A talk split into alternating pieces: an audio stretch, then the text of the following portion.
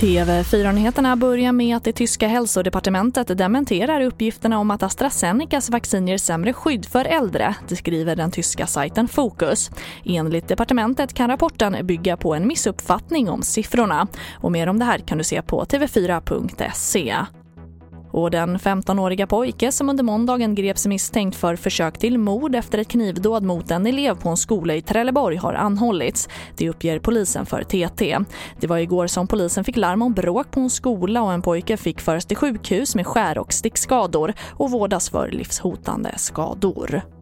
Och vi avslutar med att regeringen förlänger avrådan från icke nödvändiga resor till länder utanför EU till den 15 april. Här hör vi utrikesminister Ann Linde.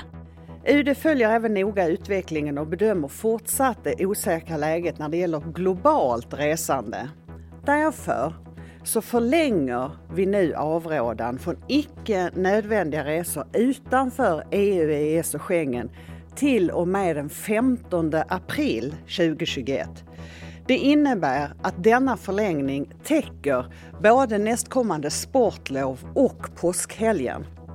Och det får avsluta TV4-nyheterna. Jag heter Charlotte Hemgren.